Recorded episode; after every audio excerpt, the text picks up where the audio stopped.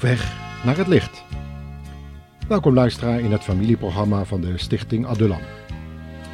Heeft u wel eens nagedacht over het fenomeen bekering? Deze nieuwe uitzending binnen het thema Op weg naar het licht wil het onderscheid duidelijk maken tussen bekering en wedergeboorte. Iets wat helaas maar al te vaak door christenen misverstaan wordt en wordt verward. Mogen God ook deze uitzending gebruiken tot eer van Zijn naam en verheldering van ons denken. Ons thema dus voor vandaag: bekering of wedergeboorte?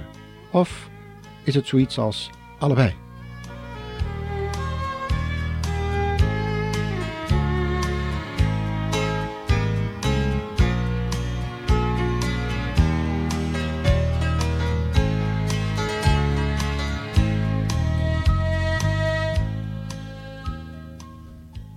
Onlangs waren we betrokken bij een uh, doopgesprek tussen enkele broeders en een jonge man die de weg naar de hemel gevonden had en zich dus nu wilde laten dopen. Uiteraard ging het gesprek over de Heer Jezus Christus, die zichzelf in Johannes 14, vers 6 de weg, de waarheid en het leven noemde. Alleen de Heer Jezus kan de ogen openen voor het feit dat alle mensen zich op de verkeerde weg bevinden. Een weg die naar de hel leidt. En het is niet voor niets dat Paulus zo'n bewogen reden voor de koning Agrippa uitsprak. Hij wist waarover hij sprak toen hij zei: Alle Joden weten hoe ik heb geleefd. Ze kennen mij van jongs af aan. Ik heb mijn opvoeding eerst in Tarsus en later in Jeruzalem genoten. En het is hun bekend dat ik van mijn jeugd af heb geleefd volgens de regels van de Fariseese partij, de strengste richting van onze godsdienst. Ik heb vroeger gemeend al het mogelijke te moeten doen om de leer van Jezus van Nazareth te bestrijden. Maar tijdens een van mijn reizen om christenen gevangen te nemen, ontmoette ik Jezus. Die zei dat hij mij in zijn dienst wilde nemen om de mensen de ogen te openen voor de toestand waarin zij verkeren. Opdat zij zich van het duister naar het licht zullen keren en zich door God zullen laten regeren in plaats van door Satan. Dan zullen zij vergeving van zonden ontvangen en behoren tot de mensen die, omdat zij in God geloven, voor God afgezonderd zijn.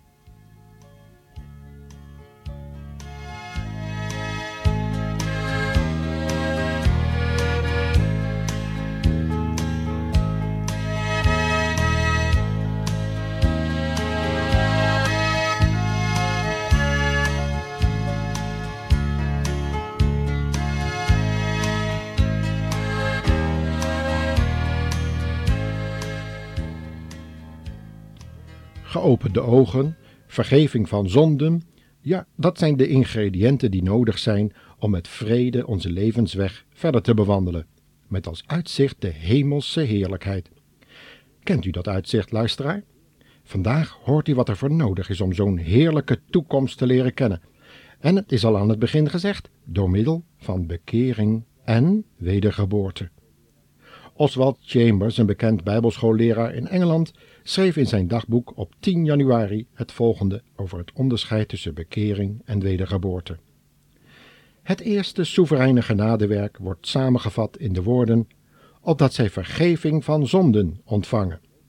Als een mens tekortschiet in de christelijke geloofservaring, komt dat bijna altijd doordat hij nooit iets ontving. Het teken dat een mens verlost is, is dat hij iets van Jezus Christus heeft ontvangen. Onze opdracht is om mensen de ogen te openen, opdat ze zich bekeren uit de duisternis tot het licht. Maar dat is nog geen verlossing, dat is bekering, ofwel de activiteit van iemand die wakker geschud is. Ik geloof dat ik niet te veel generaliseer als ik zeg dat de meeste naamchristenen zo zijn. Hun ogen zijn wel geopend, maar zij hebben niet ontvangen. Bekering is geen wedergeboorte. Dit is een van de meest verwaarloosde factoren in onze hedendaagse prediking. Als een mens wedergeboren is, weet hij dat dit alleen mogelijk was doordat hij iets als gave van God ontvangen heeft, en niet doordat hij er zelf toe had besloten. Tot zover dan Oswald Schemers.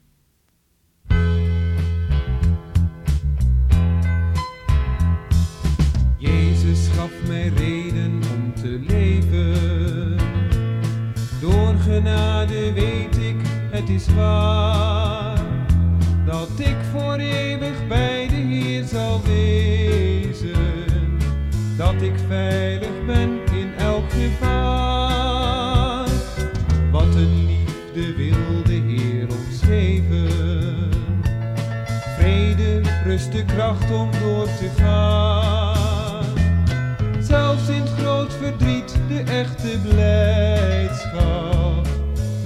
Mijn Jezus kan ik leven aan.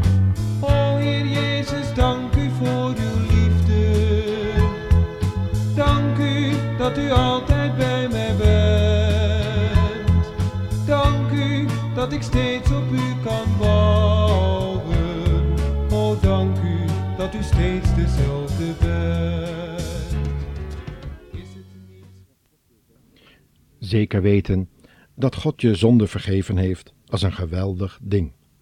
Maar als die zekerheid gegrond is op een daad, zelfs als dat een daad is die geleid heeft tot een de christelijke doop, zoals Simon de Tovenaar dat deed, dan wordt de hele reden van Paulus misverstaan. Tegen Paulus was namelijk gezegd: En nu, wat aarzelt u nog? Sta op, laat u dopen en laat uw zonden afwassen en roep daarbij de Heere aan. Van vele jongbekeerden is het geweten echter nog niet voldoende gevormd. Vandaar dat ze vaak zo weinig zelfkennis en zondebewustzijn kennen.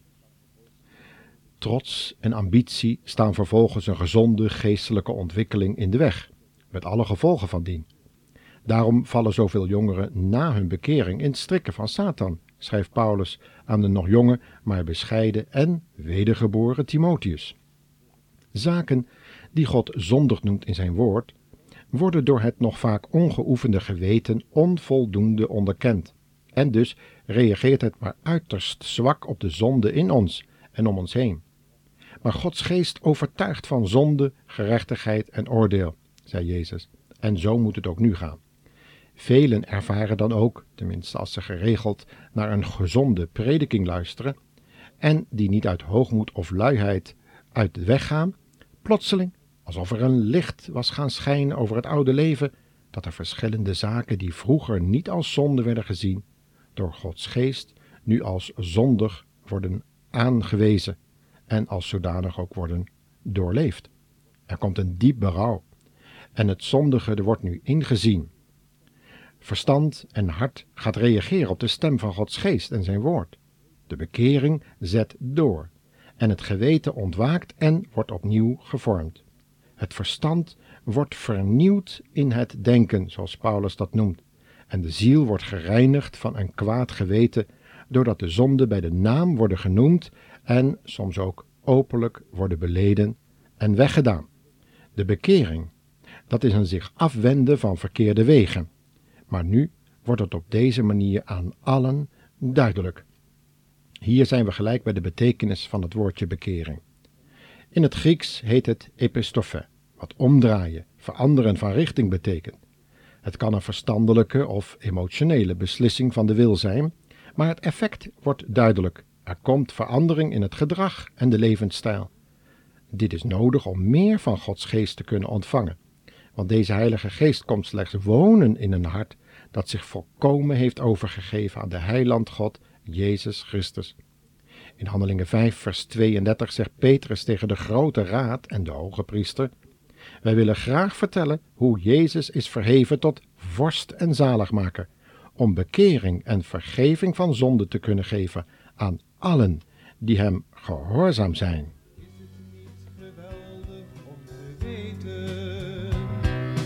dat de Heer zoveel om je geeft.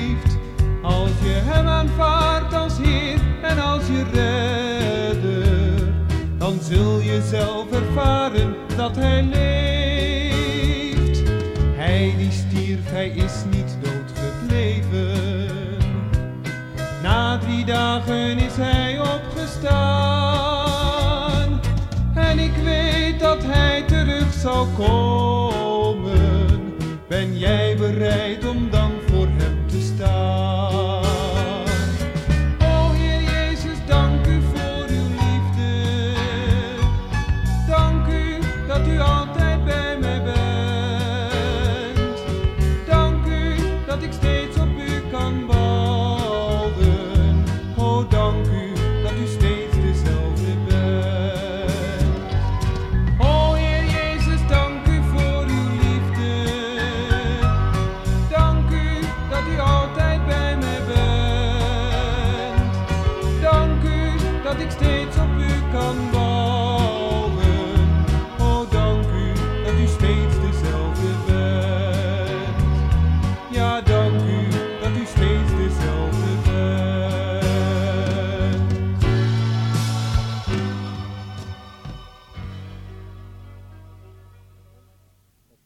Dat is dan precies het vervolg op de bekering, die eigenlijk een daad van geloofsgehoorzaamheid aan de Heer Jezus is.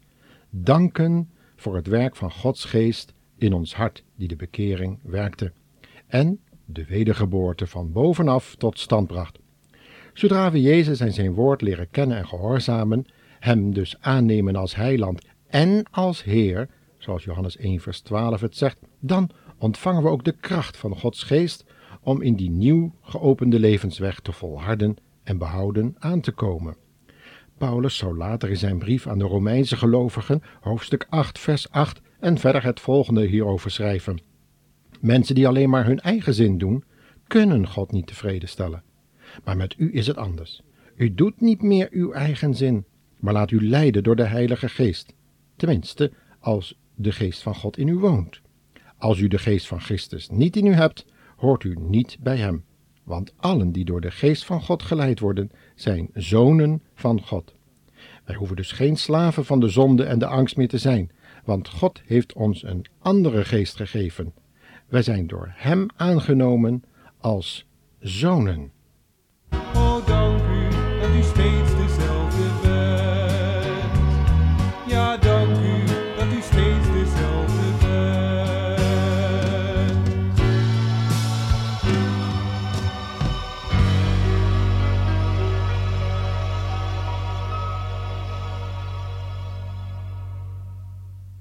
Dat laatste komt dus overeen met Johannes 1, vers 13, waar staat dat wij uit God geboren zijn. Dat heeft dus alles te maken met dat woordje wedergeboorte, waar de geleerde Nicodemus in Johannes 3, vers 5 zo moeilijk over deed. Het lijkt op de natuurlijke geboorte en er is ook sprake van verwekking, een verborgen groei, die alleen gelovigen in de directe omgeving van de betrokkenen opmerken.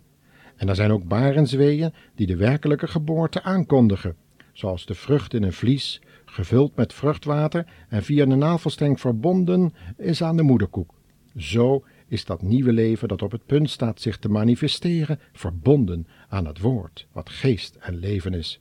En bij de geboorte zal de pasbekeerde zich nog sterk afhankelijk weten van zoals de Bijbel het in Galaten 4 vers 2 zegt, voogden en verzorgers. Maar spoedig komt de tijd dat hij zijn vader persoonlijk leert kennen en zijn wil. Hoe is dat met u, beste luisteraar?